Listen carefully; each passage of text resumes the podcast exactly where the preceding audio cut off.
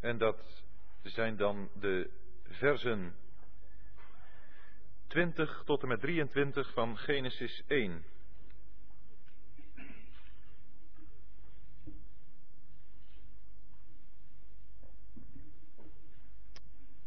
Vers 14 tot 19 is dat.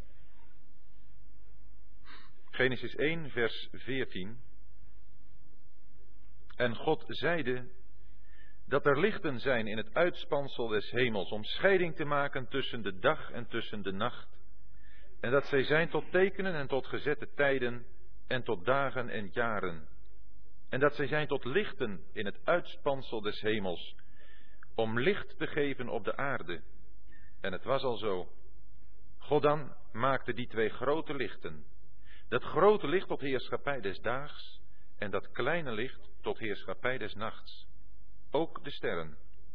En God stelde ze in het uitspansel des hemels om licht te geven op de aarde. En om te heersen op de dag en in de nacht. En om scheiding te maken tussen het licht en tussen de duisternis. En God zag dat het goed was.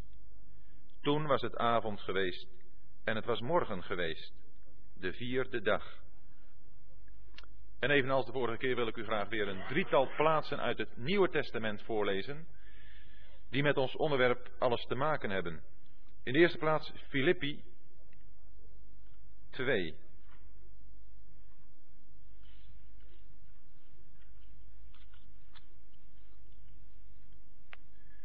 Filippi 2, vers 14 tot en met vers 16.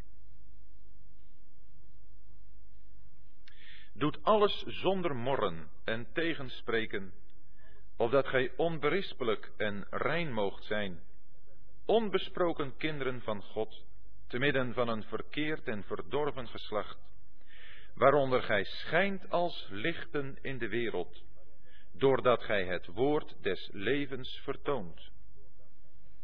Dan uit 1 Thessalonicensen, het vijfde hoofdstuk.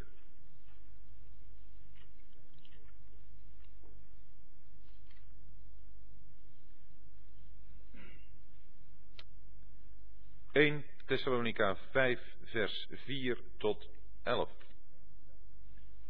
Maar gij, broeders, zijt niet in de duisternis, zodat die dag u als een dief overvallen zou. Want gij zijt allen zonen van het licht en zonen van de dag. Wij zijn niet van de nacht of van de duisternis. Laten we dus niet slapen zoals de anderen, maar laten wij waken en nuchter zijn. Want die slapen, slapen s'nachts, en die dronken zijn, zijn s'nachts dronken. Maar laten wij die van de dag zijn, nuchter zijn, toegerust met het borstharnas van het geloof en de liefde, en als helm de hoop van het heil. Want God heeft ons niet bestemd tot toorn, maar tot het verkrijgen van de behoudenis door onze Heer Jezus Christus, die voor ons gestorven is, opdat wij, het zij wij waken, het zij wij slapen, samen met Hem zouden leven. Daarom, vermaand en sticht elkaar, zoals gij ook doet. En tenslotte uit de brief aan de Efeziërs,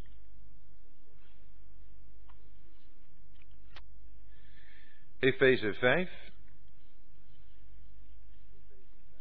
en 6, daar een paar versen uit. We beginnen bij Efeze 5, vers 8.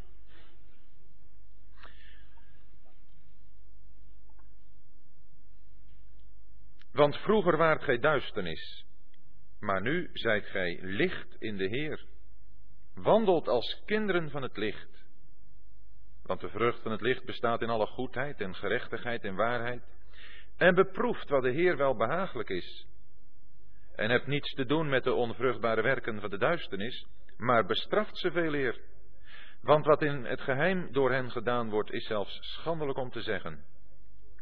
Alle dingen echter, als zij door het licht bestraft zijn, worden openbaar. Want het is het licht dat alles openbaar maakt. Daarom zegt hij, ontwaakt gij die slaapt, en sta op uit de doden, en Christus zal over u lichten. Zie dan nauwlettend toe hoe gij wandelt, niet als onwijzen, maar als wijzen, door de geschikte gelegenheid ten volle te benutten, want de dagen zijn boos. Wees daarom niet onverstandig, maar verstaat wat de wil van de Heer is. En word niet dronken van wijn waarin losbandigheid is, maar wordt vervuld met de geest. En spreekt tot elkaar in psalmen, lofzangen en geestelijke liederen. En zingt en jubelt de Heer in uw hart. Dankt te allen tijden voor alle dingen, de God en Vader, in de naam van onze Heer Jezus Christus. En weest elkaar onderdanig in de vrezen van Christus. Gij vrouwen, weest aan uw eigen mannen onderdanig als aan de Heer. Vers 25. Gij mannen, hebt uw eigen vrouwen lief, evenals ook Christus de gemeente heeft lief gehad. Hoofdstuk 6, vers 1. Gij kinderen, weest uw ouders gehoorzaam in de Heer, want dat is recht. Vers 4. En gij vaders, prikkelt uw kinderen niet tot toorn, maar voed hen op in de tucht en vermaning van de Heer. Gij slaven, weest uw heren naar het vlees gehoorzaam, met vrees en beven, in eenvoud van hart, als aan Christus. Vers 9. En gij, heren, doet hetzelfde ook ten opzichte van hen, en laat het dreigen na. Gij weet immers dat zowel hun als uw Heer in de hemelen is, en dat bij hem geen aanzien des persoons is. Tot zover.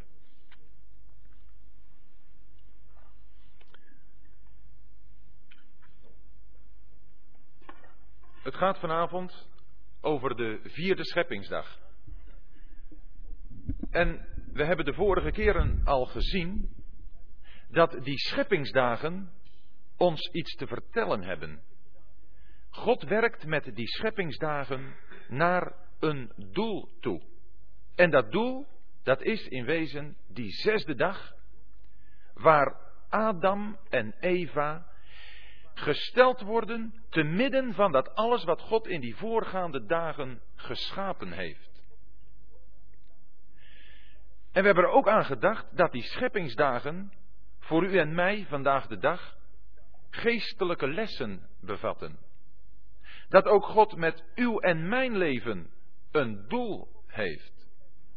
En dat doel dat is dat de Heer Jezus Christus in uw en mijn leven gestalte krijgt. Paulus zegt dat in Galaten, dat hij ervoor werkt dat Christus gestalte in hen zou krijgen. Daarvoor is het nodig om een eerste dag in ons leven te kennen. Die eerste dag waarop God gezegd heeft, daar zij licht. En de parallelplaats in het Nieuwe Testament vinden we in 2 Korinthe 4.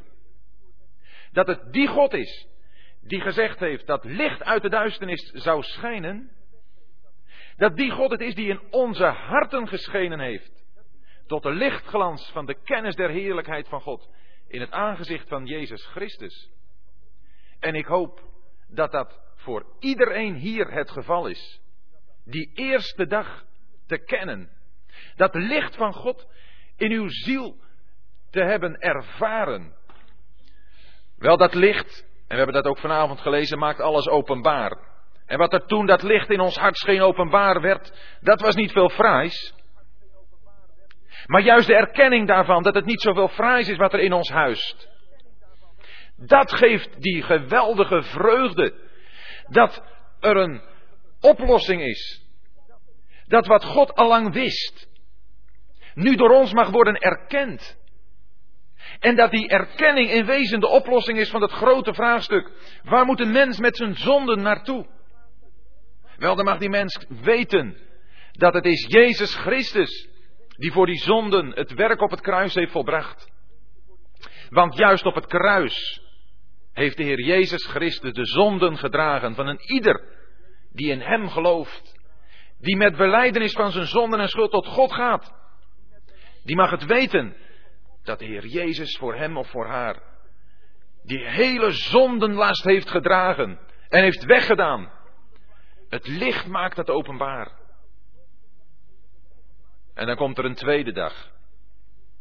Want die vreugde van de eerste dag, die is vaak van korte duur. Dat wil zeggen, als de geestelijke ontwikkeling bij ons doorgang vindt. Want waar we misschien eerst gedacht hebben, het zit helemaal snor. We zijn alles kwijt wat ons beangstte, wat ons bang maakte, wat ons deed vrezen voor God. En we kunnen met vreugde hier onze weg gaan. We kunnen de blijdschap van de Heer kunnen we genieten elke dag, elk ogenblik.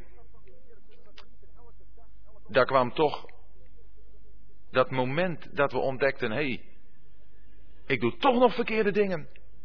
Er zijn in mijn leven toch nog weer dingen naar voren gekomen die ik moet erkennen als verkeerd, als zonde. En ik dacht dat alles weg was. En we hebben de les moeten leren door ondervinding dat het niet alleen maar gaat om onze daden, dat wat wij gedaan hadden, wat voor God slecht was en wat God moest oordelen in de Heer Jezus Christus, waar de Heer Jezus het zijn bloed voor heeft moeten geven, maar dat er iets in ons huisde waar die zonden uit voortkwamen, namelijk de zonde als macht, de bron. En dat gaf dat conflict van die tweede dag. Dat conflict wat ten voeten uitgetekend wordt in Romeinen 7. Waar we een mens vinden die steeds maar het goede wil doen. En toch maar weer in het kwade valt. Maar dat is niet de situatie die moet blijven. Dat is een situatie waar we uit tevoorschijn moeten komen, zoals we aan het eind van het hoofdstuk vinden. Dat de man die dat daar beschrijft zegt, Wanneer hij tot het dieptepunt van zijn ellende gekomen is en zegt, wie zal mij verlossen uit dit lichaam van de dood? Dat hij daar zegt, ik dank God door Jezus Christus, onze Heer. Dat is de oplossing. En daarmee zijn zijn voeten in beeld gesproken gezet op het droge van de derde dag. Want het is die derde dag waarin God het droge uit de wateren tevoorschijn liet komen. En waar op dat droge vrucht voortgebracht werd. Want dat conflict van de tweede dag vindt pas zijn oplossing, wordt pas goed beslecht, wanneer daar het zicht komt op het volbrachte werk van de Heer Jezus Christus. Niet alleen maar in het feit dat Hij de zonden gedragen heeft en daarvoor zijn bloed heeft laten storten, maar ook daarin dat God toen de Heer Jezus in de dood gegaan was, de Heer Jezus uit de dood heeft opgewekt. En daarmee heeft de Heer Jezus, toen hij uit de dood was opgewekt, alles achter zich gelaten in het graf. Wat herinnert aan de zonde, aan de dood, aan de macht van de Satan. Zijn opstanding is het bewijs dat zijn werk volkomen volbracht is zijn opwekking door God is het bewijs dat God zijn werk volkomen heeft aanvaard. En daar mogen we op staan. Dat geeft verzekerde rust. En dan kan er uit ons leven iets van vrucht voortkomen. Vrucht, zoals we daar de vorige keer aan gedacht hebben, die voor God is. Eerst nog Heel klein misschien. Gras. Maar toch ook meer vrucht. Johannes 15 liet ons dat duidelijk zien. Meer vrucht van dat zaadzaaiend gewas. En tenslotte bomen, vruchtbomen. Veel vrucht zal er dan voortkomen. Daarvoor is de Vader met ons bezig. Hij is de landman en hij reinigt. Maar dat mogen we dan leren bij die derde dag. Dat mogen we zien als verbonden met de opstanding van de Heer Jezus Christus. En dat is een grote zaak. Die opstanding van Hem. En zijn we er dan? Dan zijn we er nog niet. Dan komt er een vierde dag. Want God heeft zo ontzettend veel in zijn hart om ons te laten zien. De derde dag bepaalde ons bij de aarde. Bij ons verblijf hier op aarde. Dat daar vrucht gedragen wordt. De vierde dag bepaalt ons bij de hemel. Neemt ons van het terrein van de aarde weg en voert ons naar de hemel. Want wat mogen we nog meer gaan ontdekken nadat we gezien hebben dat de Heer Jezus voor onze zonden is gestorven naar de schriften en dat hij is begraven en opgewekt naar de schriften. We mogen dit meer gaan zien, dat hij niet hier op aarde gebleven is, maar naar de hemel is gegaan. Ja, daar denken we allemaal aan als we bijvoorbeeld Hemelvaartsdag vieren. Nee, we moeten ons goed realiseren dat de plaats waar de Heer Jezus nu is, de hemel, dat Hij daar is zoals Hij daar voor die tijd niet was. Voor die tijd dat de Heer Jezus daar terugkeerde, was de Heer Jezus daar altijd als God, God de Zoon. Maar nadat hij het werk van de verlossing heeft volbracht, nadat hij is opgestaan uit de doden, is hij naar de hemel teruggegaan als mens. De hemel is nu opengesteld door zijn ingaan in de hemel voor mensen. En als daar één mens is, betekent dat dat daar meerdere mensen kunnen komen. Mensen die verbonden zijn met Hem. Wat wij bij die vierde dag gaan leren, dat is dat ons werkelijke verblijf niet meer hier op aarde is zozeer. Ja, we zijn hier nog wel en we hebben hier ook onze taken als getuigen, als gezanten van Christus. Maar dat is dan toch maar als mensen die in de hemel thuis horen. Efeze hebben we uitgelezen. En het is juist de Efezebrief die ons op zo'n schitterende wijze voorstelt dat onze zegeningen met Christus in de hemel zijn. Dat wij, zo staat het in Efeze 1 vers 3, u en ik, voor zover wij de Heer Jezus als ons leven hebben, Hem kennen, als onze Verlosser, dat wij in Christus in de hemel gezet zijn. Daar horen we thuis. Wij horen niet op aarde meer thuis. Wij horen in de hemel thuis. Waarom? Omdat de Heer Jezus daar is en wij met Hem verbonden zijn. En waar Hij is, daar horen wij. Daar zijn wij. Zo ziet God door het geloof ons. En toch hebben we hier nog een taak op aarde. Ja, als mensen die licht verspreiden. De zon, de maan en de sterren, ze werden gegeven, zo hebben we dat gelezen in vers 17 om licht te geven op de aarde.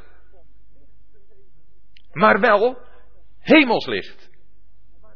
Hemelslicht hier op aarde uit te stralen. In de eerste plaats doet de zon dat. Wel, de zon, Malachi zegt het heel duidelijk, dat is een voorstelling van de Heer Jezus Christus zelf. Hij wordt daar genoemd de zon der gerechtigheid. Maar weet u dat de gelovigen ook zo genoemd worden? In Matthäus 13, aan het eind. Dan zullen zij stralen in het koninkrijk van mijn vader als de zon. Wij mogen hier op aarde stralen als de zon. En de maan. De maan was gegeven tot een licht voor de nacht. De maan ontleent zijn licht aan de zon. En ik denk dat we daarin een voorstelling hebben van de gemeente. De gemeente die bestaat uit alle ware gelovigen, die, zoals gezegd, naar Gods raadsbesluit in de hemel horen, verenigd met de Heer Jezus. We hebben daar een vorig seizoen met elkaar over nagedacht. Maar die als een gemeente hier op aarde het licht van de zon ontvangt en dat verspreidt in de duisternis van de wereld waarin ze zich bevindt. En de sterren. We hebben daarover gelezen in Filippi. Dat die sterren, zo worden we daar voorgesteld, licht geven. Dat wij als hemellichten hier op aarde licht geven. Daar worden we in onze persoonlijke verantwoordelijkheid meer gezien. Sterren die licht geven. Maar als uitgangspunt voor onze overdenking van deze avond is dit erg belangrijk. Dat we het voor ons hart aannemen, kunnen aannemen. En ik hoop nogmaals dat dat voor iedereen hier zo is. Anders moet u eerst met uw zonden tot God gaan. En het erkennen, oh God, ik ben een zondaar. Maar als we dat gedaan hebben. En ook iets begrepen hebben van de opstanding van de Heer Jezus. Dan mogen we toch ook voor ons hart aannemen. Dat wat de Bijbel zegt over onze werkelijke plaats nu in Christus in de hemel. En dat wij vanuit de hemel hier op aarde gezet zijn. We hebben gelezen als eerste uit het Nieuwe Testament een paar versen uit Filippi 2. Nu geeft de Filippi-brief ons op een hele mooie manier aan hoe wij als vreemdelingen ons bevinden op een terrein wat niet het onze is. Filippi was namelijk een stad in Macedonië die onder Romeins bestuur stond. Filippi was een klein stukje Rome. Rome in Italië lag een heel eind verder. Maar wat daar in Filippi moest gebeuren, moest allemaal gebeuren naar de orders die kwamen uit Rome.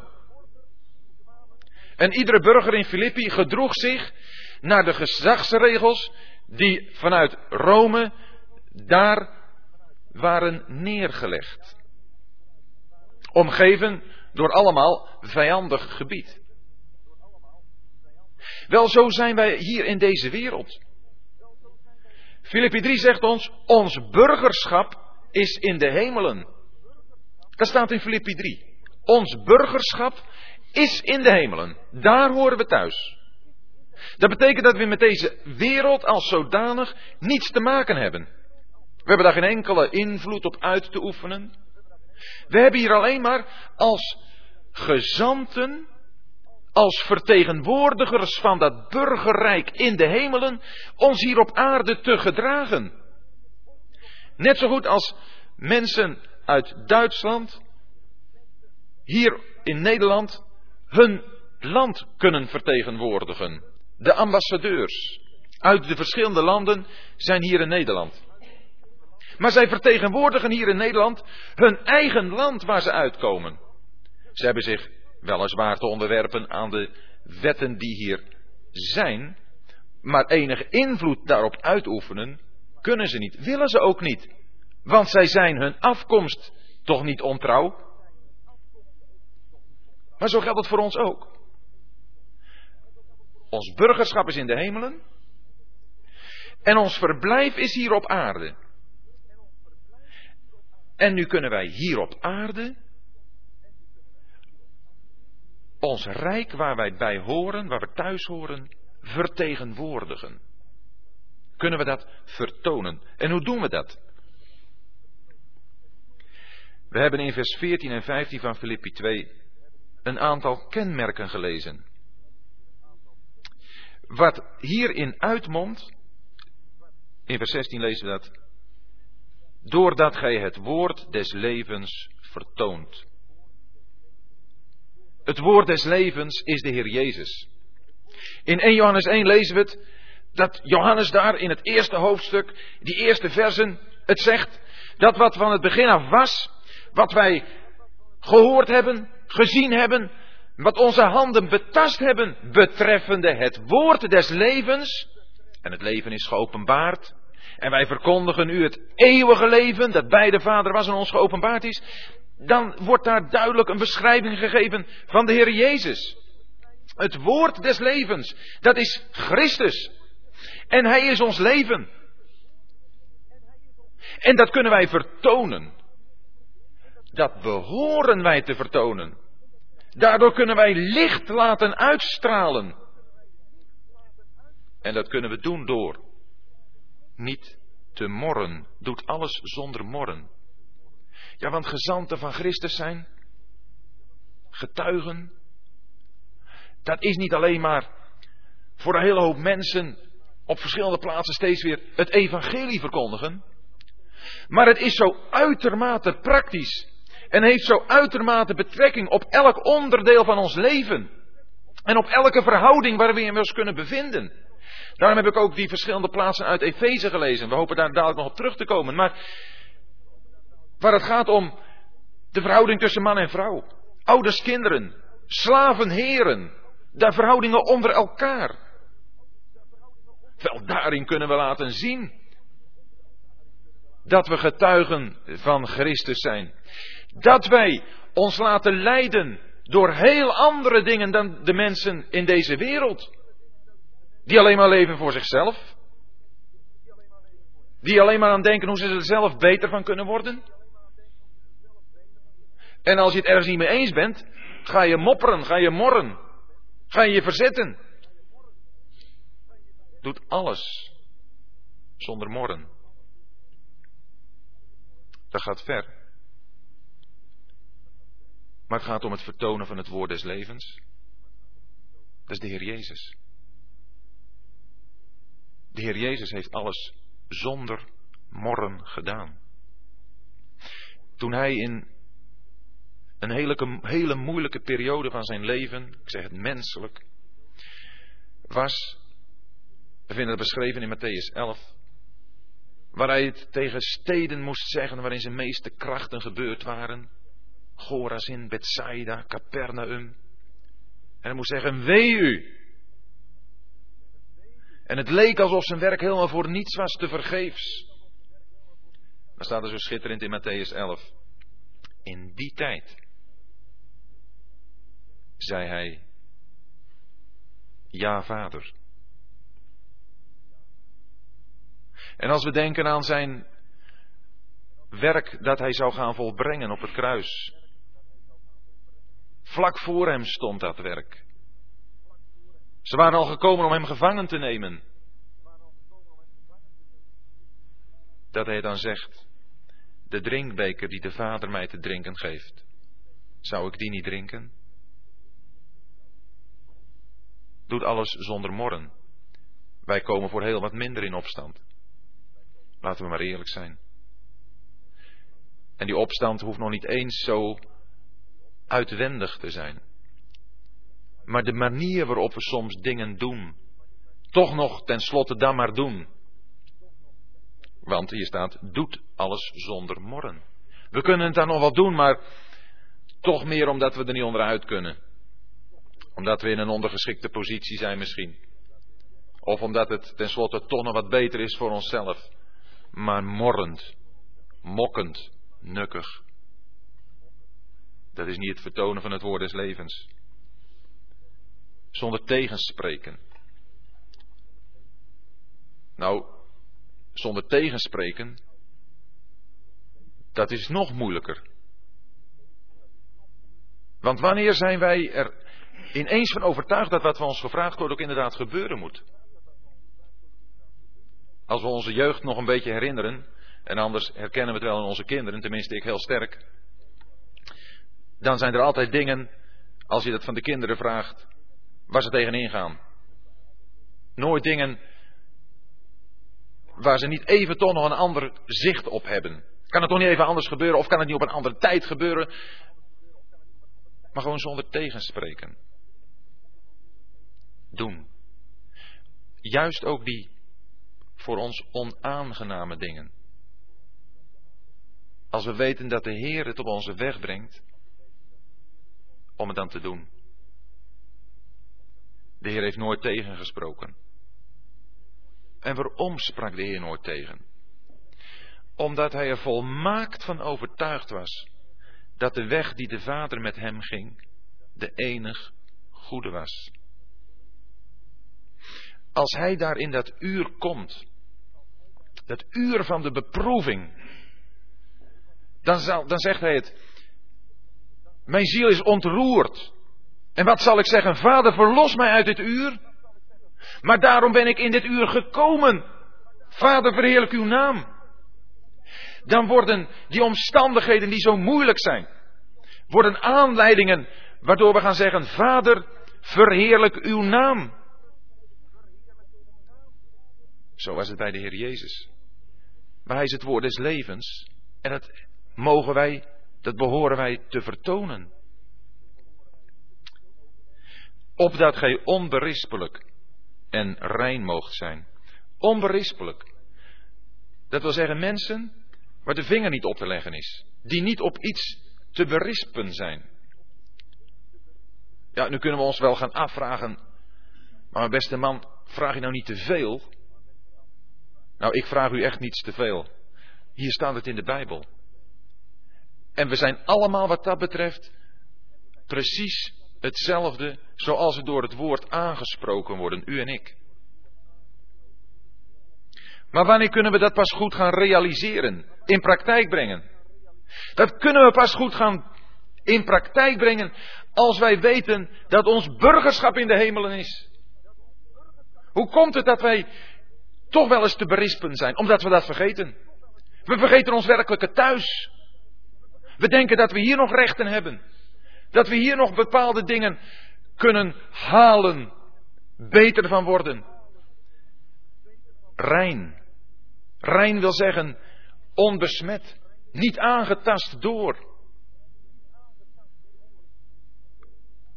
Onbesproken kinderen van God. Met andere woorden, dat God ook niets op ons kan aanmerken. Kinderen van God. Te midden van een verkeerd en verdorven geslacht. Zijn we ons bewust dat we daartussen leven? Niet dat wij zoveel beter zijn. We zijn helemaal niets beter. We zijn er namelijk zelf uitgehaald. We waren er, er eerst bij. We hoorden daartoe. We hebben dat gelezen in Efeze 5. Eertijds waart gij duisternis. Maar God heeft er ons uitgetrokken.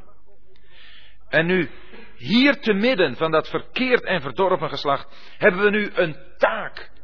Mogen we zijn wat de Heer Jezus was. En dat is een hoge maatstaf. Maar een mindere maatstaf kan ook niet. Dat zou de Heer Jezus kleineren. En dat zou ook onze plaats die God ons geeft kleineren. Het maakt ons wel klein wat onze capaciteiten en mogelijkheden betreft. Het maakt ons ook klein in het bewustzijn dat we er maar zo heel weinig van terecht brengen. En dat mogen en dat moeten we ook erkennen. Maar we zullen telkens terug moeten naar het schrift, naar Gods woord, naar wat zijn normen zijn. En dan zullen we ons aan mogen optrekken. Deze dingen staan hier niet om ons te ontmoedigen, maar om ons te bemoedigen. Om telkens weer die zuivere, reine standaard van het woord tot ons te nemen. Op ons te laten inwerken.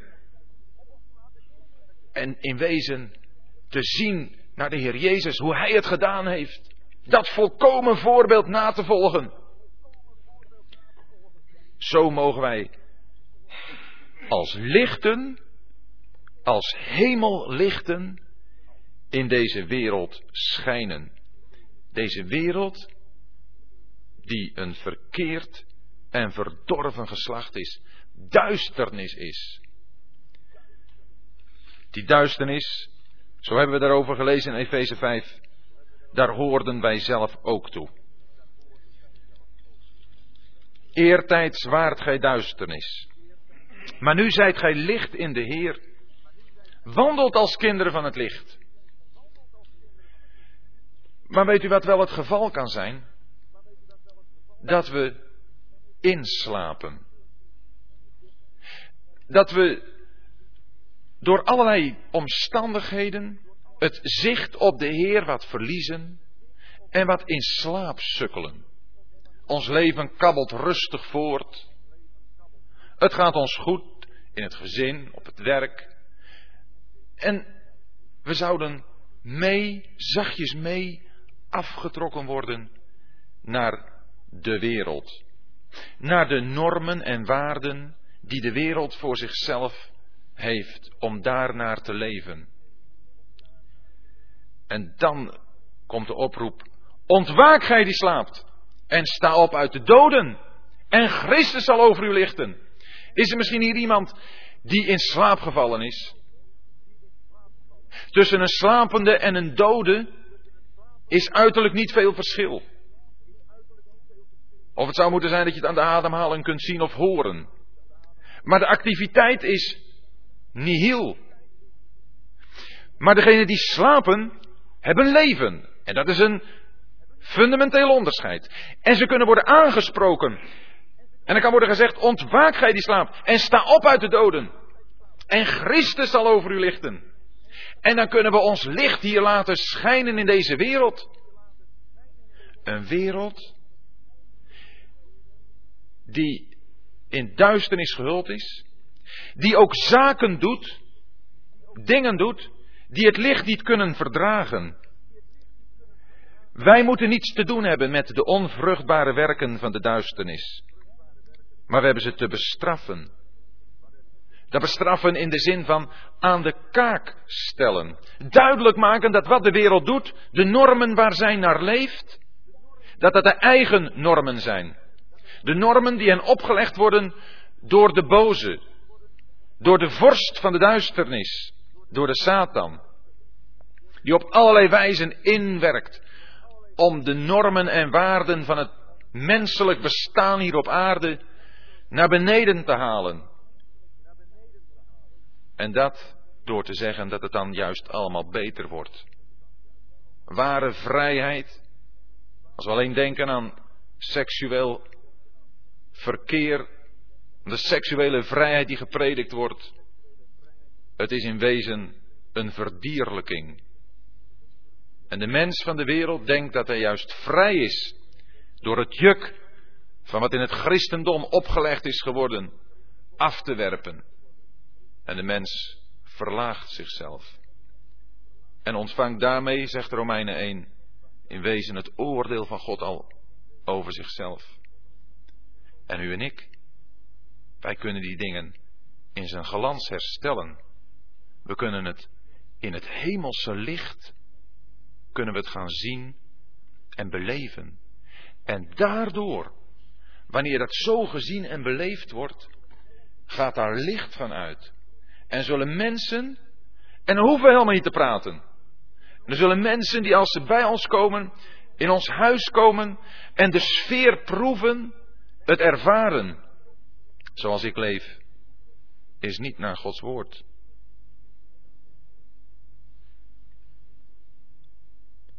En als ze dan bestraft zijn door het licht, zegt vers 13, worden ze openbaar, want het is het licht dat alles openbaar maakt. Daarom moeten we ook nauwlettend toezien hoe we wandelen. Niet als onwijzen, maar als wijzen. Wij zijn mensen die de ogen open hebben, die wijsheid bezitten. Wijsheid die ons gegeven is. Want het is Christus Jezus die ons geworden is. Wijsheid van God. Wij kunnen als wijzen in deze wereld wandelen. En we kunnen dan ook de geschikte gelegenheid ten volle benutten, omdat de dagen boos zijn. Voordat ik inga op die verschillende aspecten van mannen, vrouwen, kinderen, ouders en slaven en heren, zou ik eerst nog naar 1 Thessalonicensen 5 toe willen, omdat we daar wat algemene beginselen nog vinden over ons functioneren hier op aarde, over ons verblijf, ons gedrag hier in verbinding met het licht en met de dag. Paulus schrijft deze brief aan de Thessalonicensen en hij schrijft daarin vooral over de terugkeer van de Heer Jezus naar deze aarde. Dan, wanneer Christus terugkomt, dan zal het werkelijk dag zijn. Dan zal de zon der gerechtigheid stralen. De discipelen op de berg der verheerlijking hebben daar al een voorproefje van gehad. Jacobus, Petrus en Johannes. Zij mochten bij de Heer zijn op die berg. De zogenaamde berg der verheerlijking. En wat gebeurde daar? Voor hun ogen werd de Heer Jezus van gedaante veranderd. Zijn kleren werden stralend wit en zijn aangezicht blonk als de zon. Zo zal de Heer Jezus hier op aarde te zien zijn. Zal het werkelijk dag zijn. Petrus spreekt erover in zijn tweede brief. Hij zegt, daardoor hebben wij een bevestiging ontvangen. Dat we niet maar kunstig verzonnen fabels zijn nagevolgd, maar we hebben van die luisterrijke heerlijkheid een stem gehoord. Deze is mijn geliefde zoon. En in wezen al een voorproefje daarmee gehad van het heerlijke rijk dat God hier op aarde zal vestigen. En waarvoor de Heer Jezus Christus eerst de gemeente zal opnemen. Daarover spreekt Paulus in het voorgaande stukje van 1 Thessalonicensen 4. Daar spreekt hij erover dat voordat Christus met de gelovigen terugkomt naar de aarde, hij eerst die gelovigen, en dat is ook heel logisch, tot zich moet hebben genomen. Dat is een hele aparte openbaring. Paulus spreekt erover dat hij dat als een woord van de Heer doorgeeft. En dan, dan gaat Paulus spreken over de dag van de Heer die komt in 1 Thessalonicenzen 5, vers 2. Die komt als een dief in de nacht. Ja, een dief komt ongewenst en hij komt onverwacht. Voor de wereld zal Christus terugkomen op een moment dat ze het niet verwachten. Dat ze zullen zeggen vrede, veiligheid, geen gevaar. Dat gaat allemaal steeds beter. We hebben de zaken goed onder controle. En dan komt ineens Christus terug. Als een dief in de nacht. Maar daar hebben ze geen rekening mee gehouden. Maar voor ons, wij zijn niet van de duisternis, zodat die dag ons als een dief zou overvallen. Wij zien uit naar de komst van de Heer Jezus Christus. We verlangen daarnaar. Hij komt, de wolken van de hemel. En wij gaan in wolken hem tegemoet in de lucht. Zullen we altijd met de Here zijn? Wat een toekomst. En dat mag ons verblijf hier op aarde kenmerken. En gaat Paulus aan verder. Het is zelfs zo dat jullie niet eens hoeven te wachten op het moment dat de Heer Jezus hier op aarde zichtbaar in zijn regering als de zon stralend in zijn kracht aanwezig zal hoeven te zijn. Want jullie zijn al zonen van het licht en zonen van de dag. In uw en mijn leven is het dag. Heeft de Heer Jezus gezag? Zijn regering strekt zich toch uit over mijn hele leven, mijn hele wezen. Ik ben een zoon van het licht. Dat is, dat is mijn leefklimaat. Ik ben een zoon van de dag. Dat is, ik leef zo onder het gezag van de Heer Jezus. Wij zijn niet van de nacht of van de duisternis. We horen bij Hem. Het is net als bij de Israëlieten in Egypte. Die, die uh, negende plaag. Duisternis. Pikdonkere zwarte duisternis. En met lees je van de woningen van de Israëlieten. Daar was het licht.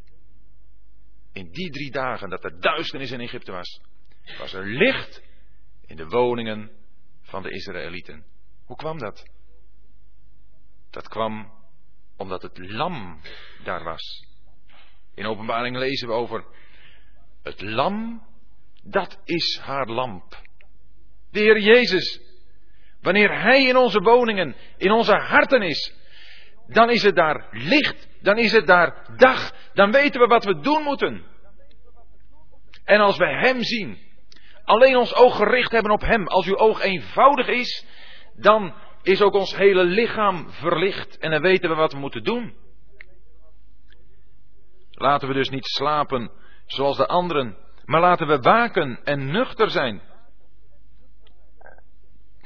Want die slapen, slapen s'nachts. En die dronken zijn, zijn s'nachts dronken. Maar laten wij die van de dag zijn, nuchter zijn. Dat heeft in verbinding met wat we in Efeze 5 lazen, dat wijs zijn. Nuchter zijn, dat is niet beïnvloed door de dingen van de wereld. En hoe gemakkelijk worden wij beïnvloed? Nuchter behoren we te zijn. Dronken, dat zijn de mensen van deze wereld. Die horen bij de nacht. Wanneer je dronken bent, heb je geen enkele controle over jezelf ten eerste. En ten tweede ben je ook totaal onbekwaam om zaken te onderscheiden. De zonde die de twee zonen van Aaron bedreven, Nadab en Abihu, die bestond daarin dat ze met vreemd vuur kwamen in Leviticus 10, bij het altaar, wat de Heere hen niet geboden had. En direct daarop, in Leviticus 10, staat het verbod voor de priesters om sterke drank te drinken. En de conclusie is misschien gerechtvaardigd. Dat Nadab en Abihu met vreemd vuur tot God, tot de Heere zijn gegaan, omdat zij bedwelmd waren, dat zij sterke drank gedronken hadden, waardoor ze niet meer konden onderscheiden wat passend was voor Gods tegenwoordigheid. Maar zo kunnen ook wij beïnvloed worden, geestelijk beïnvloed, door de dingen om ons heen. Door wat we zien, door wat we horen, door wat we tot ons nemen, bewust tot ons nemen. Hoe, hoe brengen wij onze avonden door? Waar nemen wij kennis van? Als er dingen zijn uit de koker van de wereld, dan beïnvloedt dat ons. En raken we het rechte zicht op wat God van ons vraagt als getuigen kwijt. Dan menen we misschien nog wel getuigen te kunnen zijn, maar naarmate voor u en voor mij. En we hebben een toerusting. Toegerust met het borstharnas van het geloof en de liefde. En als helm de hoop van het heil. Het borstharnas bestaat hier uit geloof en liefde. Dat borstharnas, dat bedekt ons hart. En de helm bedekt ons hoofd. En dat zijn twee vitale onderdelen van ons lichaam. Als we in ons hart getroffen worden, is het gebeurd met ons. Als we in ons hoofd getroffen worden, is het gebeurd met ons. Het hart, daarvan zegt de spreukendichter, daaruit zijn de uitgangen van het leven. Wat ik in mijn hart me voorneem, dat komt ook in mijn leven tot uiting. Nou, als ik dingen in mijn hart toelaat, die verkeerd zijn, die een verkeerde bron hebben, dan zal het in mijn leven tot uiting komen. Daarom moet ik me toerusten met dat borstharnas van het geloof en van de liefde. Het geloof, dat is het geloofsvertrouwen dat zich richt op God. Dat het weet, hier in mijn leven, vanuit mijn hart, wil ik me alleen maar leiden laten door mijn vertrouwen op God. We lezen in de handelingen dat gezegd werd dat ze met een voornemen van het hart bij de Heer bleven. Dat kunnen we ons voornemen, broeders en zusters. Met een voornemen van het hart bij de Heere blijven. Op Hem vertrouwen. In geloof op Hem je weggaan. Dat werkt in de praktijk. En de liefde. Die liefde die een band is die samenbindt. We kunnen het ook met elkaar doen. We hebben elkaar nodig daarin. En die liefde, die zal ook helpen dat we elkaar daarin bemoedigen en ondersteunen. En als helm de hoop van het heil. Dat is wat we op ons hoofd hebben. Ons denken. Paulus zegt in Kolossen, zoekt de dingen die boven zijn. Bedenkt de dingen die boven zijn. Daar mag ons gedachtenleven zich mee bezighouden. Bedenken. Wat doen we met ons hoofd? Waar denken we over na? Wat laten we erin toe? Wat stampen we erin? Heeft het te maken met de hoop van het heil? Richt onze aandacht zich op de komst van de Heer Jezus Christus? Op zijn komst waarin het heil ons volle deel zal, zal worden? Dat is een hoop die een zekerheid is. We leven niet zomaar in het wilde weg, als mensen die op de tast hun weg gaan. Onze koers is recht vooruit.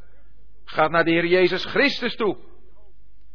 In die hoop mogen we leven.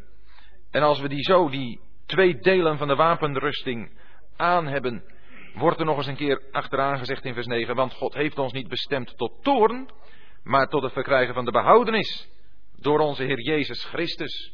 God heeft ons niet bestemd tot toorn. Als we lezen over het bestemmen tot toorn, wat sommige christenen wel willen aanhalen, dat God mensen tot toorn toebereidt, dan lezen we het verkeerd, want het staat in Romeinen 9 heel duidelijk, dat er vaten zijn, mensen, die zichzelf tot het verderf toebereiden. God bestemt niemand tot het verderf. Ieder mens die verloren gaat, die het verderf ingaat, gaat het verderf in en komt onder de toren van God in de volle uitoefening ervan, omdat hij dat zelf gedaan heeft. God wil ieder mens redden. God wil ieder mens volkomen behouden. Behouden is ook wat het lichaam betreft. Want hier staat tot het verkrijgen van de behoudenis door onze Heer Jezus Christus. Dat ziet dus op de toekomst, dat ziet vooruit. Wil dat zeggen dan dat we de behoudenis nog niet bezitten dan? Ja, we bezitten de behoudenis. Zeker. Het geloof namelijk is het einde, het behoudenis van de behoudenis. Wanneer je gelooft, ben je behouden. Paulus zegt ook in Efeze, uit genade bent u behouden door het geloof. Maar dat is de behoudenis van de ziel. Ons lichaam is nog niet behouden. En juist de brief waar we al uit gelezen hebben, Filippi, zegt ons dat we de Heer Jezus als heiland, en dat betekent behouder, verwachten. Die ook het lichaam van onze vernedering zal veranderen tot gelijkvormigheid aan het lichaam van zijn heerlijkheid. Ons lichaam is nog niet behouden. Daarom zegt Romeinen 8, wij zijn behouden geworden in hoop. Niet dat die behoudenis op zich onzeker is, maar wij verwachten nog de verlossing van ons lichaam. We kennen in ons lichaam nog zoveel dingen waarvan we graag wel eens een keer verlost zouden willen zijn. En dat komt. We krijgen een volmaakt lichaam straks. Een opstandingslichaam. Een lichaam gelijkvormig aan het lichaam van de Heer Jezus zelf in heerlijkheid. Ons lichaam heeft nog verbinding hier met deze aarde. Maar het is ook in ons lichaam dat wij Christus kunnen verheerlijken. Dat wij Hem kunnen grootmaken. Zo kunnen we dus de behoudenis die door de Heer Jezus Christus, die voor ons gestorven is, ons deel is, verkrijgen. God heeft ons daartoe bestemd. Opdat wij, zegt vers 10, het zij wij waken, het zij wij slapen, samen met hem zouden leven. Hier heeft dat slapen een andere betekenis dan in vers 6 en ook in Efeze 5. Hier gaat het over het ontslapen zijn. Het zij wij waken betekent leven hier op aarde. Het zij wij slapen betekent ontslapen zijn. Zijn dezelfde woorden. Maar het is duidelijk dat het hier in vers 10 gaat over zij die ontslapen zijn. Want samen mogen we met hem leven. Daarom vermaant en sticht elkaar zoals gij ook doet. En dat kunnen we elkaar dan ook vertellen en zeggen. Laten wij hier op aarde leven als kinderen, als zonen van het licht. Als zonen van de dag. Als mensen die verbonden zijn met de dag. We leven dan wel te midden van een stikdonkere wereld. Maar we zijn van de dag. We zijn van het licht.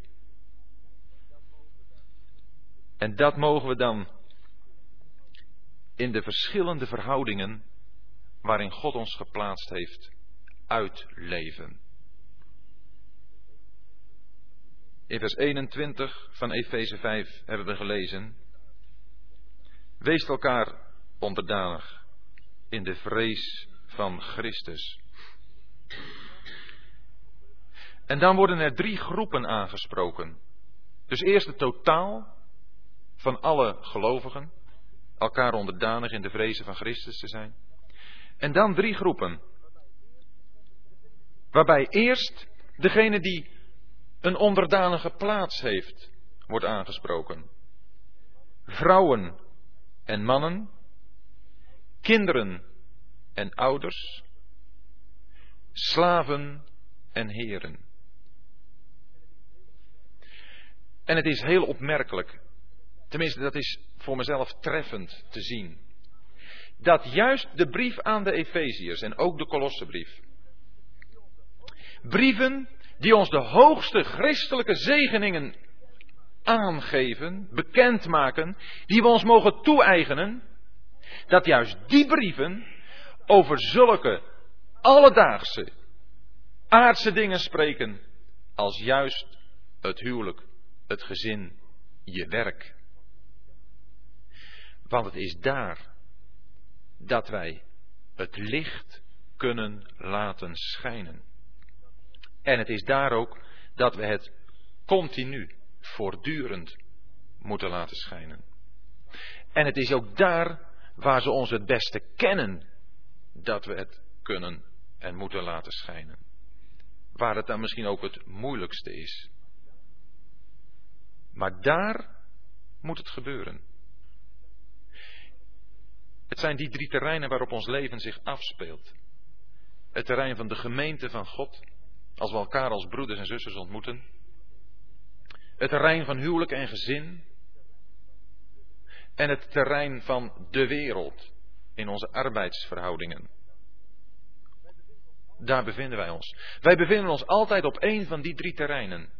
We zijn of als Gods kinderen onder elkaar, of we zijn in het gezin, of we zijn in de wereld. En naarmate de plaats die we daarin innemen, worden we aangesproken. Om? Om daar dat licht te laten schijnen. Dat hemelse licht. Die hemelse werkelijkheden daar waar te maken. Daar te genieten. In de eerste plaats in de gemeente van God. Wees elkaar onderdanig in de vrezen van Christus. Dat wij ten opzichte van elkaar de laagste plaats innemen. Onderdanig zijn aan de ander. En het klinkt wat tegenstrijdig misschien met wat ik dadelijk ga zeggen en wat er ook staat in de volgende versen. Maar dan is ook een man aan zijn vrouw onderdanig. Als het gaat om haar verhouding met de Heer. Omdat ze ook een zuster in de Heer is.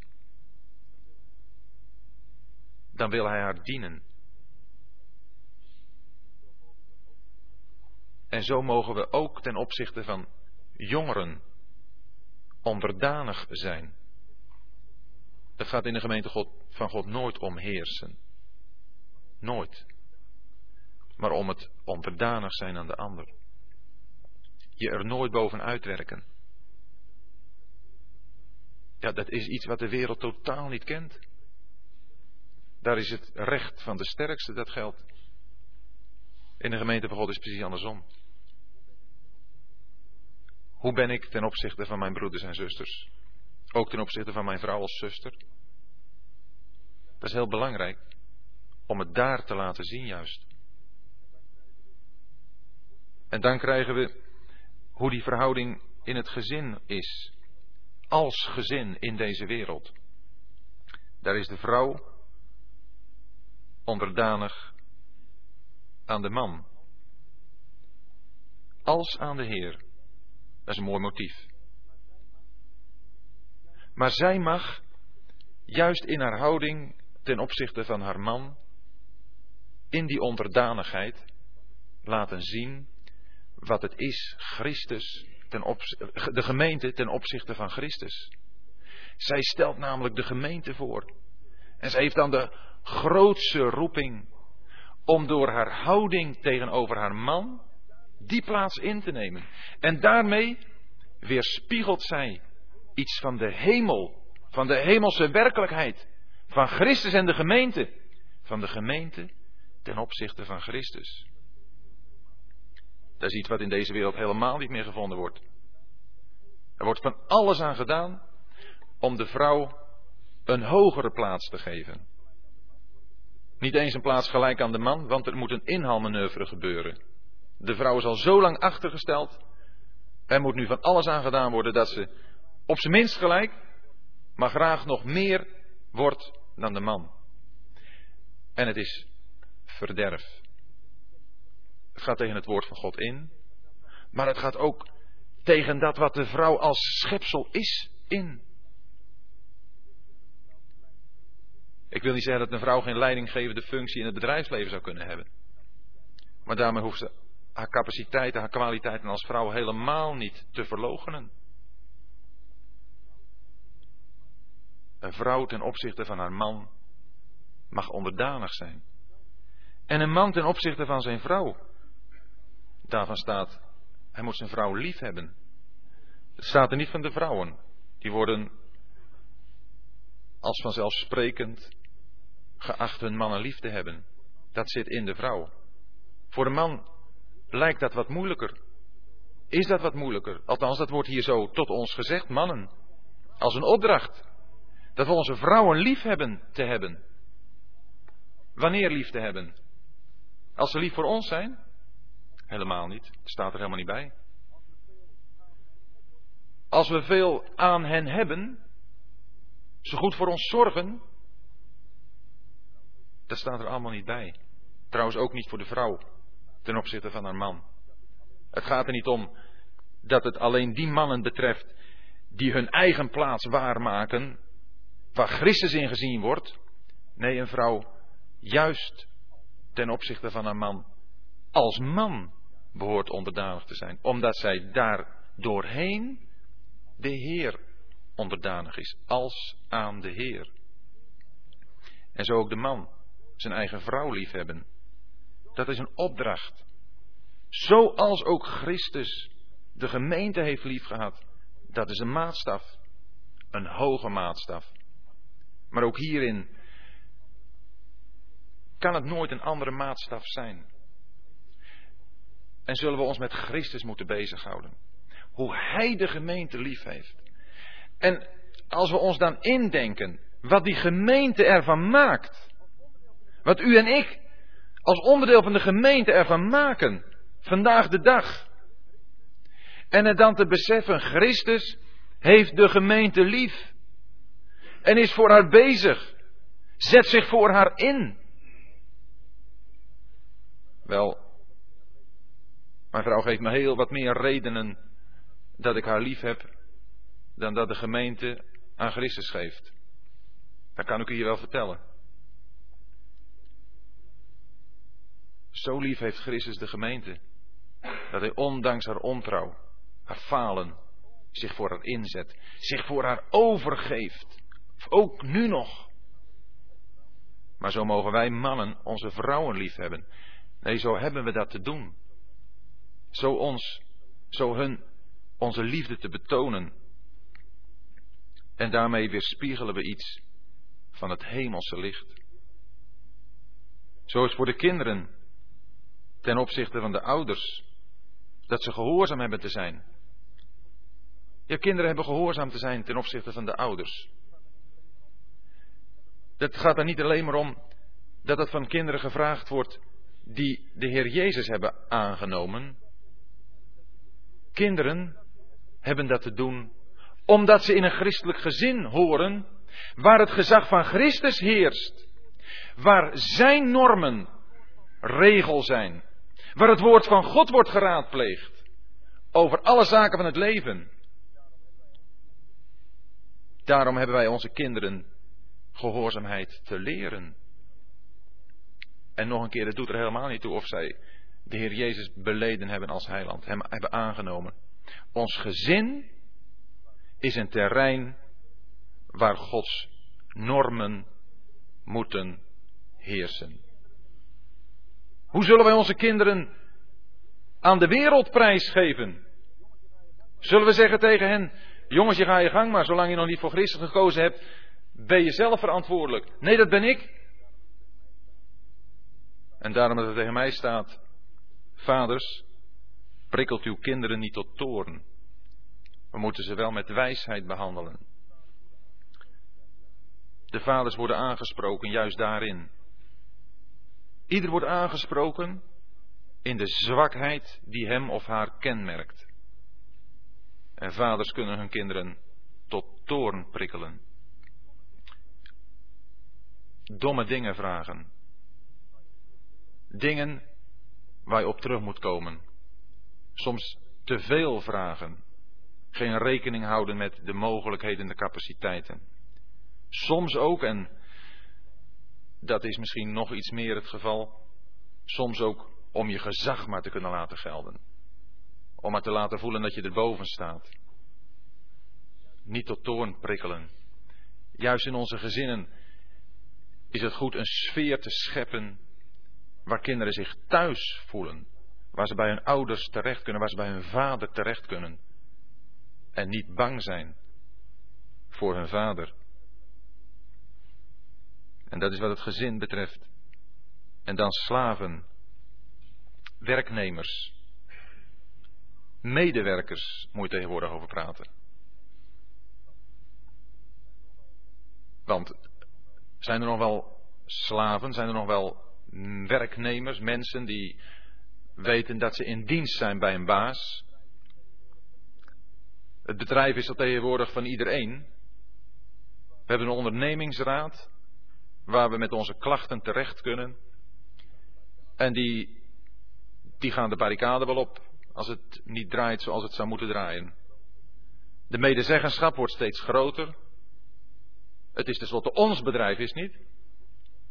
Wij zorgen er dan toch voor dat de productie komt, dat er winst gemaakt wordt. Om als een slaaf bezig te zijn in je werkomgeving. Dat is een opdracht. Om in eenvoudigheid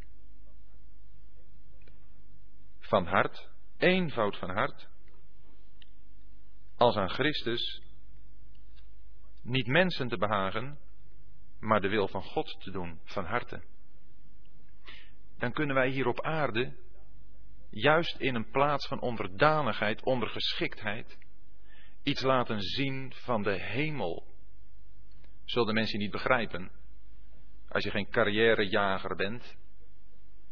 Als je alleen maar wilt doen wat er gezegd wordt en zo goed mogelijk wil doen. Maar zo was het hier met Christus.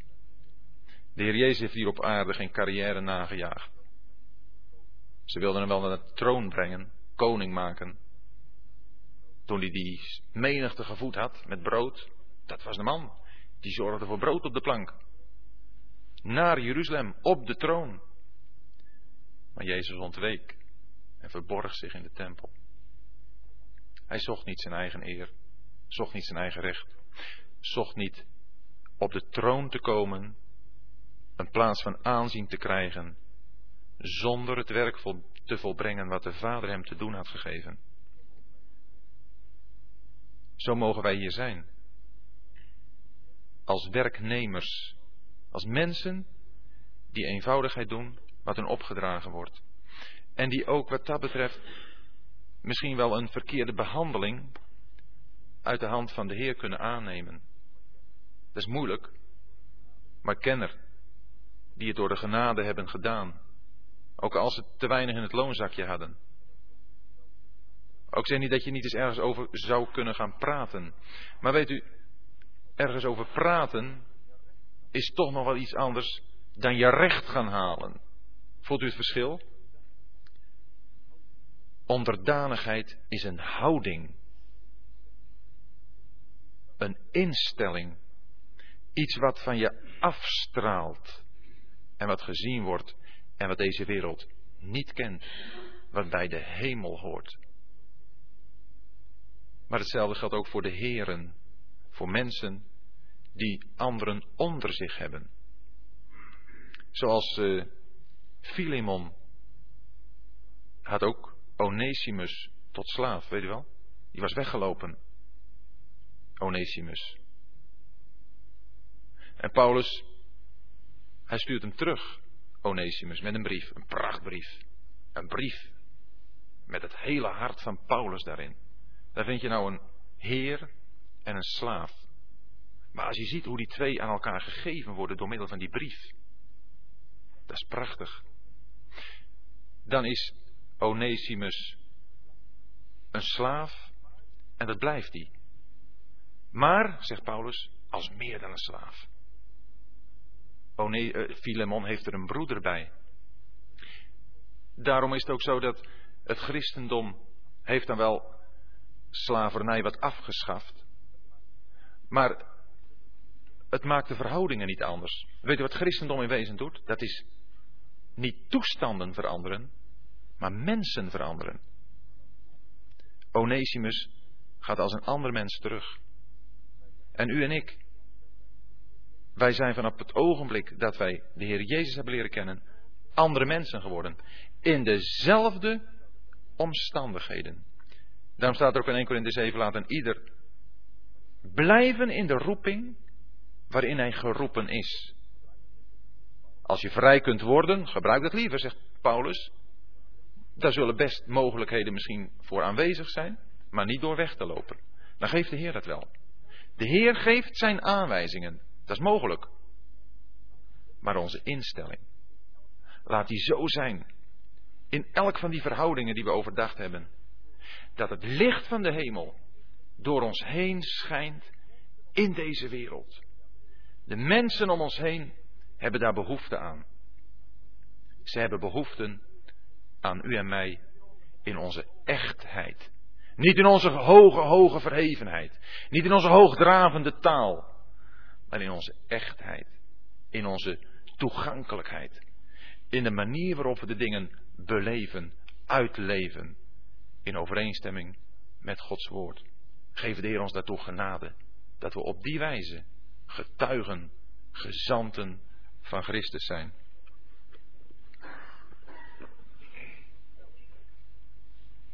U moet ze nog stellen. U hebt ze, ik heb ze ook. Als u een mondelinge vraag wilt stellen, dan is daar nu gelegenheid voor. Anders dan gaan we gewoon wat eerder dan anders naar huis. En Luc? Zie je wel, dan kom je gelijk al. Trouwens, ik, even nog vooraf. Er is. Ja, maar even, mag ik even nog iets zeggen? Voordat u uw vraag stelt. Er is gezegd van, eh, of geloof zelfs gebeden, dat er wel een antwoord op uw vragen komt. Dat ga ik u niet garanderen. Maar misschien dat we met elkaar ook tot een antwoord kunnen komen hoor. Dat, uh, zo is het.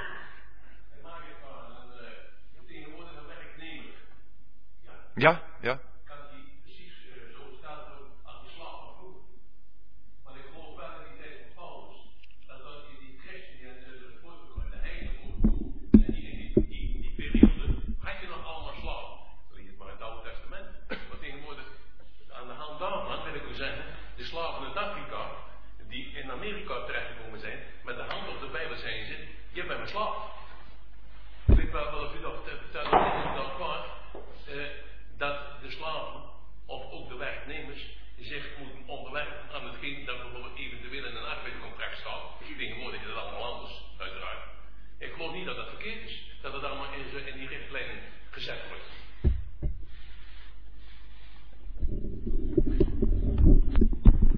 Nou, ik ben er ook wel blij om dat het dat in uh, banen geleid is.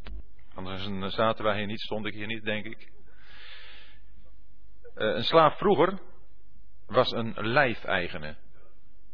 Dat was iemand die met huid en haar totaal overgeleverd was aan de willekeur van zijn meester.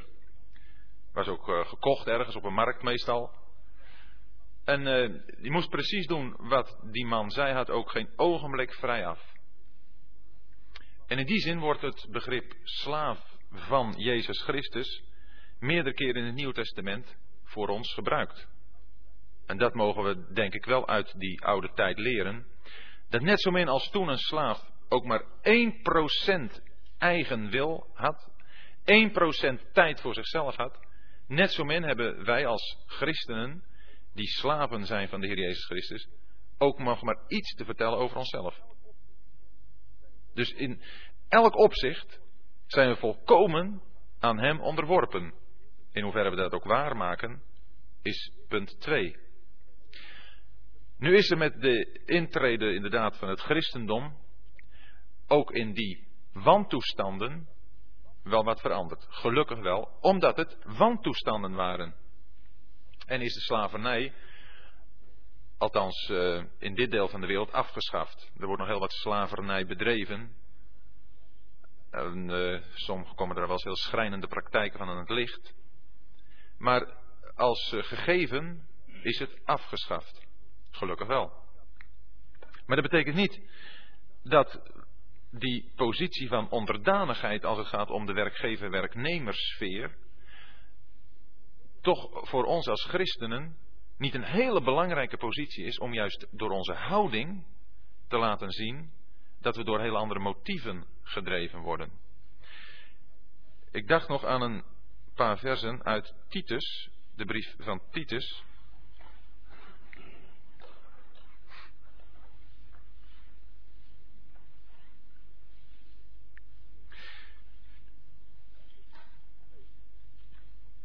Titus 2, hoofdzakelijk vers 9. Vermaan de slaven aan hun eigen meesters onderdanig te zijn, in alles welbehagelijk te zijn, niet tegen te spreken, niet te ontvreemden, maar alle goede trouw te bewijzen. En dan komt het, opdat zij de leer van God onze heiland in alles versieren. Dus dat is een unieke, een unieke positie om de leer van God onze heiland te versieren. Juist iedereen die in een bepaalde onderdanige positie staat, en dan vooral hier slaven, hebben die gelegenheid. En zoals gezegd, en wat u ook opmerkte, dat was toen geen pretje. Er wordt ook ergens gezegd dat uh, we niet alleen aan de goede slaven onderdanen moeten zijn, maar ook aan de verkeerde. Ik meen dat dat Petrus is. Zegt u? Aan de goede meesters, hè? Ja. Niet alleen aan de goede en inschikkelijke. In 1 Petrus. Ja, in 1 Petrus 2, vers 18.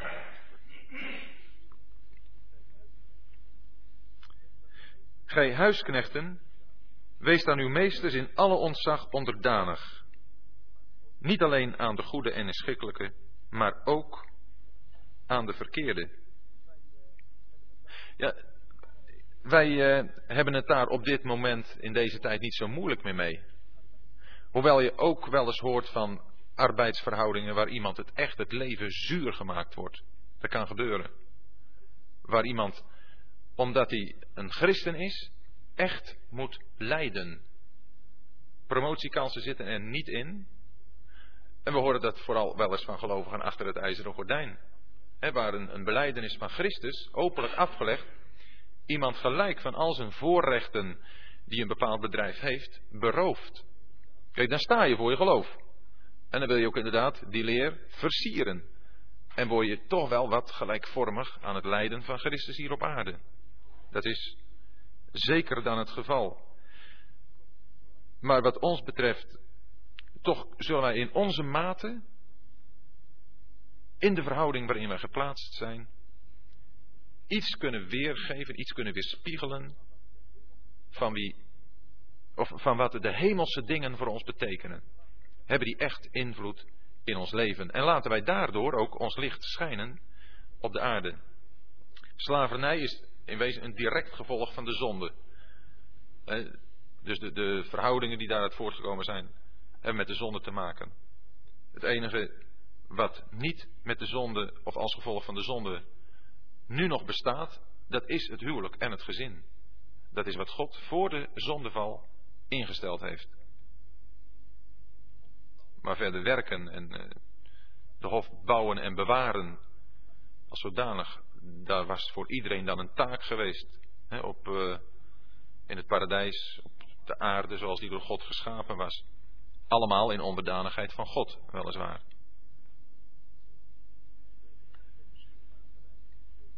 En ik krijg hier nog een tekst aangereikt uit Deuteronomium 24, het zevende vers. Wanneer iemand gevonden zal worden die een ziel steelt uit zijn broederen, uit de kinderen Israëls, en drijft gewin met hem en verkoopt hem, zo zal deze dief sterven. En ge zult het boze uit het midden van u wegdoen. Ja, hier vinden we dus dat uh, daar ook mogelijkheden waren voor het stelen van kinderen. Zelfs onder het volk van God. wordt daar een, een voorschrift gegeven voor het volk van God.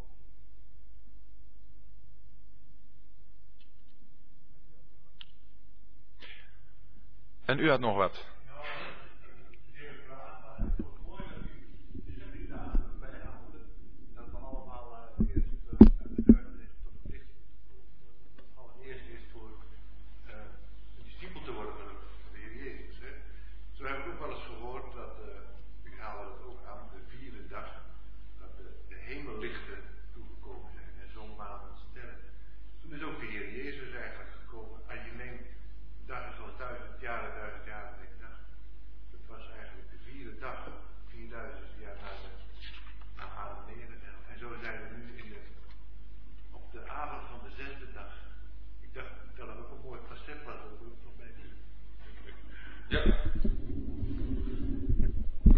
Het wordt ontleend aan wat we in 2 Petrus lezen. Dat één dag is bij de Heer als duizend jaar. En duizend jaar als één dag. Men heeft daar de conclusie uitgetrokken dat we hebben inderdaad de eerste 4000 jaar gehad voor Christus. En we zitten nu bijna in het jaar 2000 van de christelijke bedeling. Met andere woorden, 6000 jaar na het ontstaan van uh, de schepping. En zouden we zeggen dan, of wordt gezegd, ja, na die 6000 jaar is het afgelopen en komt Christus terug om zijn rijk van vrede en gerechtigheid op te richten. Ik kan u dit zeggen, het heeft nog alle kans. Want uh, ja, Paulus in zijn dagen verwachtte Christus ook al. En we lezen dat, we hebben dat vorige keren ook wel eens overdacht in 1 Thessalonicense 4. Wij de levenden, Paulus in zijn dagen verwachtte Christus. Wij mogen Christus nu verwachten. Op dit moment. Maar naarmate we verder in de tijd gaan, heeft het steeds duidelijker kans dat het inderdaad zo ook in vervulling zal gaan. Alleen elke berekening met het oog op eh, de komst van Christus is moeilijk. De Bijbel is wat dat betreft niet een rekenboek. Waar we op te letten hebben, dat zijn de tekenen van de tijden. Eh, de Heer Jezus spreekt erover in Lucas 21, meen ik. Let op de vijgenboom en alle bomen. Nou, de vijgenboom is een beeld van Israël. En alle bomen zijn een beeld van verschillende machten daaromheen. We lezen duidelijk ook bijvoorbeeld in het boek Daniel dat, dat Nebukadnezar als het hoofd van Babel, het wereldrijk Babylon, daar voorgesteld wordt als een boom. Bomen zijn dus voorstellingen van verschillende machten, rijken. Nou, de Heer zegt erop, zegt ervan, let op de vijgenboom en alle bomen. En voor zover we de profetieën kennen, zien we daar in het Midden-Oosten, als het ware, alle stukken al op het schaakbord gereed gezet worden voor de beslissende eindslag. En er is nooit een tijd geweest waarin het zo duidelijk was als juist nu. Eigenlijk al sinds 1948, toen de staat Israël openlijk werd geproclameerd. En ja, dat gaat nu alleen maar steeds meer glans en kleur krijgen. Maar het is ook voor die tijd al door vele uitleggers van de profetieën gezegd. Toen er van, het hele, van de hele staat Israël in wezen nog niets te zien was. En waarom wisten ze dat? Omdat ze de Bijbel lazen. Want daarin stond het. En in die zin hebben wij het wat gemakkelijker, omdat we het zien gebeuren. Ja. Hosea 6.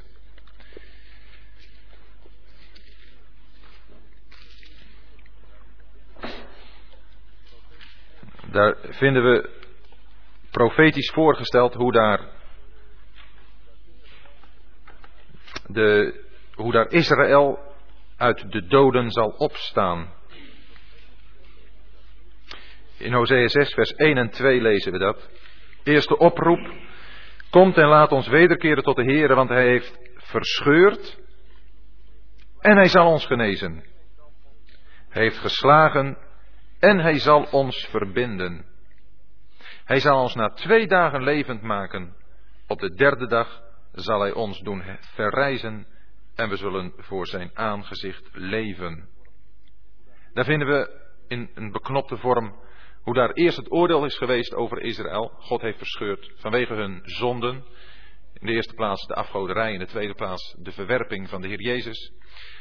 Maar ook dat Hij toch weer zal genezen.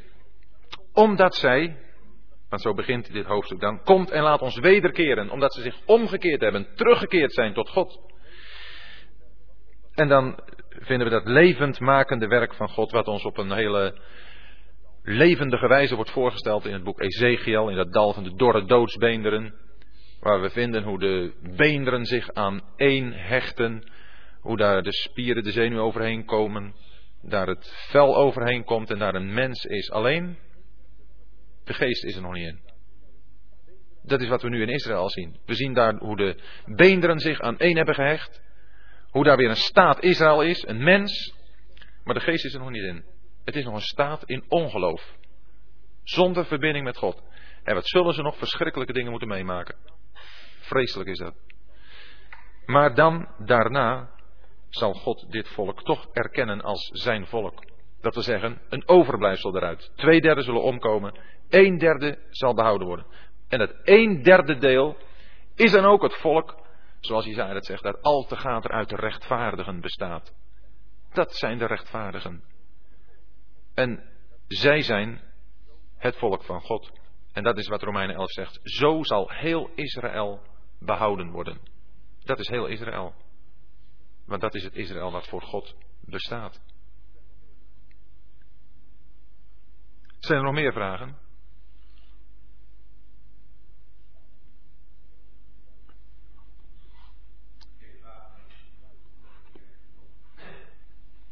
Luid, dan word je opgenomen.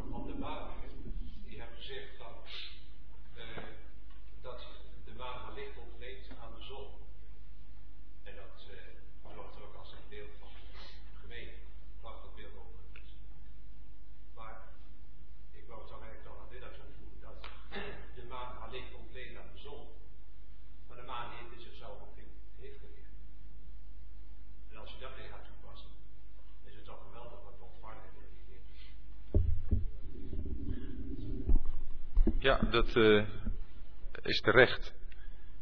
Wij hebben geen licht in onszelf. Er staat ook, en hebben we gelezen, wij zijn licht in de Heer. Daar hebben we het aan ontleend. Wat nog een punt is, en daar breng je me op nu, wat ik nog even moet vermelden, dat is dat de maan schijngestalten heeft. Het is niet altijd de volle maan die gezien wordt. En in die zin is het ook toch tot onze verootmoediging dat wij toch niet vaak het volle licht van de zon hier op aarde weerspiegelen. En dat mag dan onze bede zijn om de zon, de Heer Jezus, zijn heerlijkheid, toch meer in ons leven te weerspiegelen.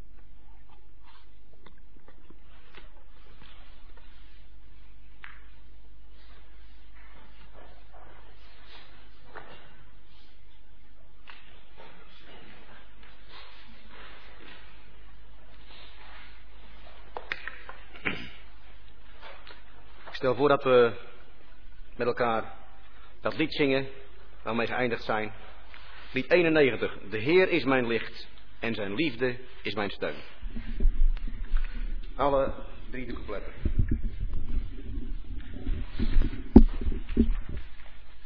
1, 2 en 3 gaan we 91.